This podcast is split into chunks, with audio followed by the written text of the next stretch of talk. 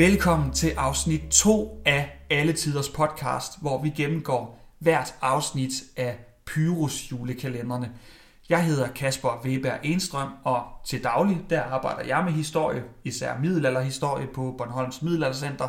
Jeg har også en podcastserie, Velkommen til Middelalderen. Så det historiske, det er jeg ret interesseret i her i Pyrus. Alle de fejl, de laver. Og jeg hedder Rasmus Borg Olesen, og til daglig der er jeg kandidatstuderende på film- og medievidenskab på Københavns Universitet. Og Kasper, på film- og medievidenskab, når man har undervisning om filmhistorien, og når du har undervisning om øh, filmiske narrativer, så omhandler det jo tit Potemkin, det omhandler fransk Nybølge, det omhandler italiensk neorealisme, osv., osv., osv. Men jeg har aldrig stødt på Pyrus. Nej, og det kan jo faktisk undre, fordi altså, Pyrus var jo et kæmpe fænomen, især i 90'erne. Hvad var det? 1,2 millioner seere. Det lyder ikke helt forkert. Det, er, det var kæmpestort. Vi, øh, I det her afsnit kommer vi jo faktisk til noget, jeg vil kalde et stykke dansk mediehistorie.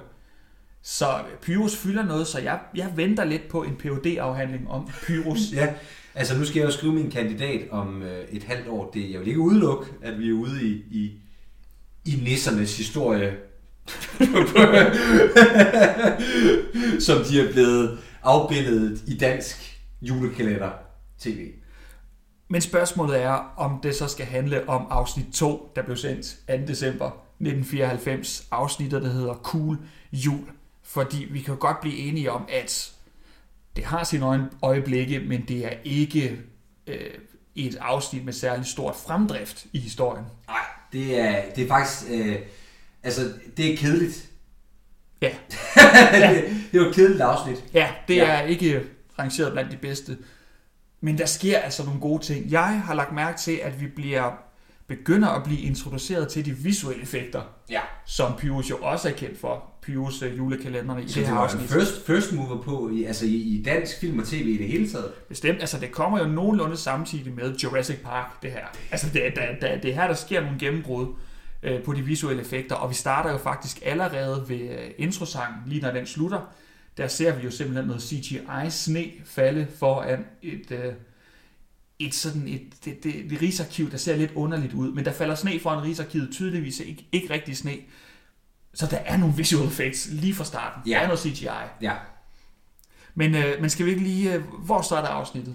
Jamen, altså, vi, øh, vi starter jo med at øh, igen at se Bertramsen.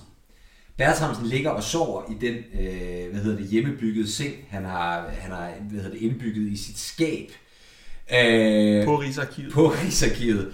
Og det banker på døren, og det er selvfølgelig fru Brahe. Han har fået en sekretær, fru Brahe, og hun øh, ved jo ikke, at øh, Birret og Bertramsen, han bor der. Så hun øh, banker jo på og møder op på arbejde i den tro, at Bertramsen allerede er mødt på arbejde. Ja, og, og, og faktisk her fra start, han bliver allerede så småt fanget i sit eget spind af løgne. ja. Fordi øh, øh, der sker jo det, at han ikke nødvendigvis har sovet over sig. Jeg synes, det er meget øh, optimistisk af hende at møde. Vi får at vide klokken er kvart i seks, Ja. at hun begynder at hun det er også- på arbejde kvart i seks uden en nøgle Ja. og håber på, at han er der. Men det er han så. Øh, han sover på det tidspunkt, og hun kommer ind og vil gerne pynte op. Og det er jo også her, der opstår problemer for Bertramsen, fordi hun vil gerne komme julepynt på de skabe, hvor han gemmer sin seng og sin øh, toilet. Toilet. ja. Og det vil han ikke have, og det skaber altså noget konflikt allerede her. Ja, og det samme kan man sige med øh, Gutenborg, fordi Gutenborg øh, nede i øh, Nissebo øh, pynter jo heller ikke op og fejrer jul i det hele taget. Øh, men han vågner altså op til, at Pyrus har pyntet hele Nissebo op. Ja, Og det, som Gutenborg stusser over, det er jo, hvor Hulan han har fundet alt det papir hen til at pynte julepynt op. ja. Og der kan Pyrus jo svare, at der er jo papir overalt, så det er ikke noget problem. Ja, men det er der jo også, som Gutenborg. Ind til det går op for ham. Kasper, og hvad er det, Ja. der går op for ham? At det er jo de historiske dokumenter, Ja. som Pyrus har klippet i, mens Gutenborg sov. Så Gutenborg må lige belære Pyrus om, man skal altså behandle de historiske dokumenter rigtigt. Og lad os lige, lad os lige hurtigt snakke, hvad er det blandt andet Pyrus har klippet julepynt af? Han har, Pyrus har åbenbart klippet julepynt over beretningen fra da, da øh, hvad hedder det, øh, Dannebro faldt ned fra himlen i Ja, kors, Slet- korstårnet i Estland. Ja. Ja, øh, ja og det, det er selvfølgelig beklageligt, men, men Gutenborg er også øh, altså, overraskende upåvirket af det. Han er utilfreds, ja, men han, det er ikke den store katastrofe for ham. Men der sker jo altså også det, at i mellemtiden, så bliver der jo sunget en sang. Og det er måske det, der letter lidt på hans humør, fordi det er jo den fantastiske sang, Cool Jul. Ja, og det er jo ligesom Cool Jul. Vi har egentlig besluttet os for, at vi ikke behøver at introducere Cool Jul øh, mere, eller, eller i det her program, eller sådan analysere den videre, fordi alle, der lytter til den her podcast, kender Cool Jul. Ja, og, og det er egentlig også det, jeg kalder et stykke dansk mediehistorie. Det er, når den her sang kommer på, fordi den, øh, altså, Det er jo et julehit. de, det er et julehit dimensioner. uden lige, og, og øh, altså, Men det, der ligesom bliver sagt kort og godt i Cool Jul, det er, at Pyrus er træt af det gamle, han vil have det nye ind. ja, Og det vil sige nye måder at fejre jul på. Altså det gamle skal ud, det nye skal ind. ja, Øh, og det er rock og roll guitar, og det er øh, hvorfor øh, er hun ikke violet i stedet for rød, og Ja. jeg skal komme efter jer. Men, rigtig frisk ung nisse. yes. Øh, men efter Pyrus har øh, sunget Cool Jul, mm. så bliver øh, øh, der vist rundt, bli- bliver der vist rundt på arkivet. Både Bertramsen viser Josefine Brahe rundt, og Pyrus, eller sådan noget, Bertram, eller Gutenborg, undskyld, viser Pyrus rundt. Ja, og her får man jo en, altså igen en fornemmelse for de her visuelle effekter, og jeg vil faktisk sige, nu, nu er vi jo lidt øh, sarkastiske og ironiske i nogle af de her beskrivelser, vi laver, men det er faktisk reelt godt for sin tid, det her, at vi ser øh, Bertramsen og frøken Brahe komme gående, vi ser deres ben, de går forbi, og i det samme, i samme billede, kommer nisserne ind, som jo ikke er højere end menneskenes ankler eller op til deres knæ. Og det er sgu da ret godt lavet. Det Det er overbevisende. Okay. Ja. ja, det er okay. Altså, øh, det, det, der er også forskel på at bruge, øh, det skal vi måske komme ind på senere, men, men, men at bruge en, øh, lave en green screen over et decideret optagelse, og så lave en green screen af noget fiktion, noget man selv har tegnet på en computer, som de gør senere hen, når de tryller sig ind i bøgerne. Ja. Som måske godt kan, men det har sin charme selvfølgelig. Men der kan man godt se forskellen. Her fungerer det faktisk okay. Det her det er i den højere ende af, af visuelle effekter i alle siders jul. Ja, men det vi bliver introduceret for, det er altså øh, en rundvisning i arkivet. Og det, der slår mig, når jeg ser det, Kasper, det er, at arkivet ikke virker særlig stort. Altså, vi har, vi har, vi har at gøre med sådan 4 til syv hylder. Ja, altså det, vi, vi snakker... Og, og det er altså Danmarks, det, det er Danmarks harddisk, det her. Ja, de, de, de diskuterer, hvor gigantisk det er, men vi ser faktisk kun i løbet af hele serien de her 7x7 meter, ja.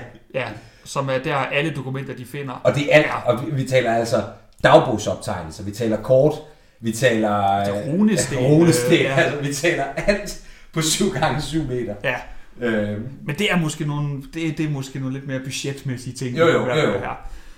Men, øh, men der sker jo hverken værre eller bedre, end at øh, Pyrus er uforsigtig, og Bertramsen ser ham. og får et chok. Ja. Øh, han, Pyrus siger hej, bliver grebet fat i af Gutenborg, der trækker ham væk. Bertramsen kigger ned igen, så han virkelig noget nede på gulvet, der sagde hej til ham, og så er han væk. Ja. Øh, og i næste scene er øh, Bertramsen helt ude af det. Altså, Ja. han får taget, taget sin temperatur, og han er, han er helt tummelumsk. Ja, men det generer jo ikke frøken Brahe så meget, fordi Josefine, Josefine Brahe, hun tror jo på nisser, det har hun allerede erklæret på det her tidspunkt, det synes Bertramsen lidt fjollet. Hun tror på nisser, så hun er overbevist om, at det er det, Bertramsen har set. Og her tænker man jo, for nu kommer der faktisk en sang mere på, at det er øh, Josefines nissesang. Men det er det ikke. De synger simpelthen kartoteksangen fra sidste afsnit igen. Ja. Altså fra forrige afsnit. Og det, det, det, altså, det virker lidt dovent på mig. Men det virker også som om, at de har godt har været klar over, at det her afsnit er ikke et stærkt afsnit, så det skal vi Ja. bare, der, skal, vi- der skal vi have fyldt nogle huller, Ja, for, for at kunne få det færdiggjort. og det gør de så med kartoteksangen, som jo passede fint ind sidste afsnit, da vi fik introduceret de her karakterer.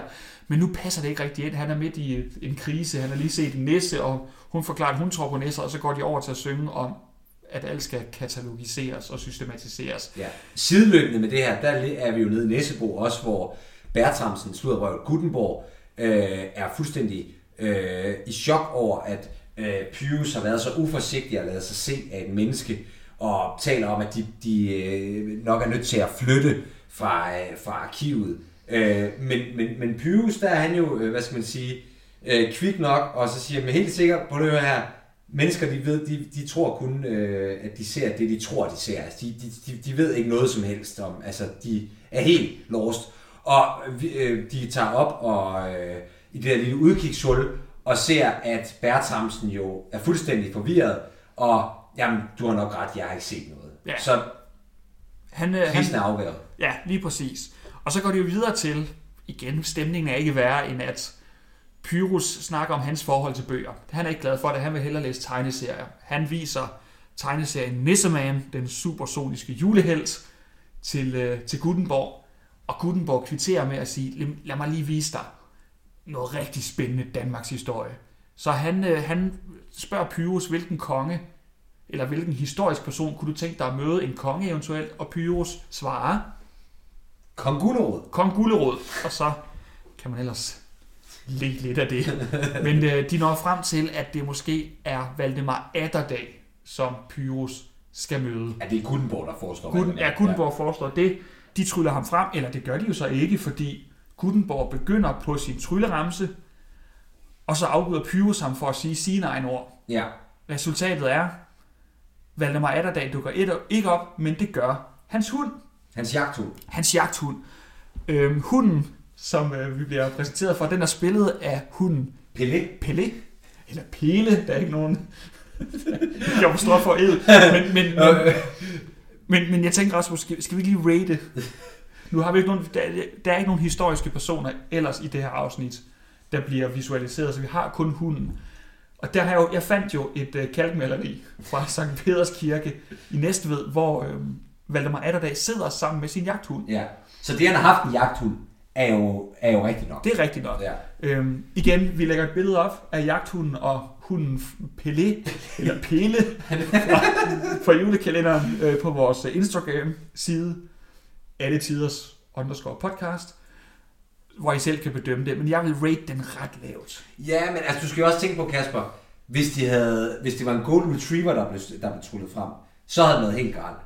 Men vi to kunne jo heller ikke kategorisere, hvad det var for en hund, der var tale om. Det, der var lidt gold, der var lidt slået der var lidt øh, dalmatiner, og så var der lidt... Øh, Det, det, er- det er en langhåret jagthund, der kommer frem. Ja. Øh, vi har ikke så meget forstand på hunden. Nej. Jeg kan bare sige, at på kalkmaleriet, det er en mere fladsnudet hund. Ja, okay, ja. Jeg vil sige mere, at det var et gadekryds, måske en fransk bulldog blandet med et eller andet på kalkmaleriet. Det er det her altså ikke. Nej. Så rating 2, 2 ud af 10, vil jeg sige. Den, er ikke, den ligger ikke højt. Men det, han havde en jagthund, var god nok. Så Ja. der, der skal de trods alt ros for, at det, det er historisk research. Nå, men altså, øh, Pyrus vil gerne beholde den lidt, den her hund, fordi han synes, den er rigtig sød, og det er jo ikke øh, særligt tit, man ser en hund i nissestørrelse. Men øh, vi lærte jo i forrige afsnit, at et øh, menneske, der bliver tryllet frem fra historien, kan være til stede i nutiden i 24 timer før, at vedkommende forsvinder helt ud af historien. Mm. Men det gælder ikke for hunde, fordi hunde, Kasper, de lever jo et noget kortere liv end mennesker, så derfor der kan de jo ikke være der i 24 timer. De kan nok faktisk kun være der i en times tid, Ja. fordi hunden begynder allerede at visne. Ja, altså øh, øh, Pelé, som Eller skuespiller, eller Pele, er ved, allerede ved at falme. Ja. Man kan se, at den, øh, den, den øh, bliver delvist usynlig løbende. Mm. Så det kan, og det, det vil jeg bare sige, det er jo endnu en special effect. Det er en af de lidt nemmere. Ja. Det er bare lige to lag, man lægger oven på hinanden, og så kører man lidt frem og tilbage mellem dem. Men i hvert fald, det er en ny, endnu en visuel effekt, Ja. som fungerer, som den skal, vil jeg sige.